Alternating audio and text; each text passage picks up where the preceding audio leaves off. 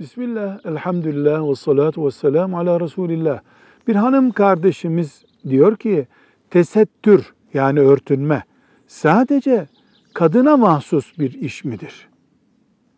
Cevap olarak diyoruz ki hayır.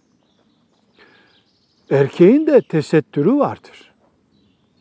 Erkeğin diz kapağıyla göbek deliği arasındaki bölgesi tıpkı kadının bütün vücudunun tesettürle korunması gerektiği gibi korunması gereken bölgesidir.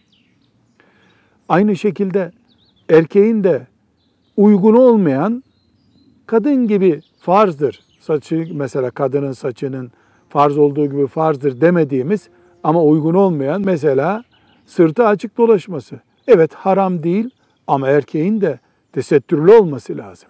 Alaküllahal diz kapağıyla göbek deliği arasındaki bölgesi erkeğin kesinlikle tesettürlü olur.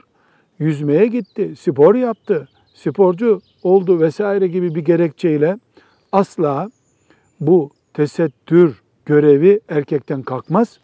Aynı şekilde nasıl bayana daracık olmasın kıyafet deniyorsa tesettüründe erkeğin de tesettür olması gereken bölgesinde e, tesettürün daracık, teşhir edici olmaması gerekir.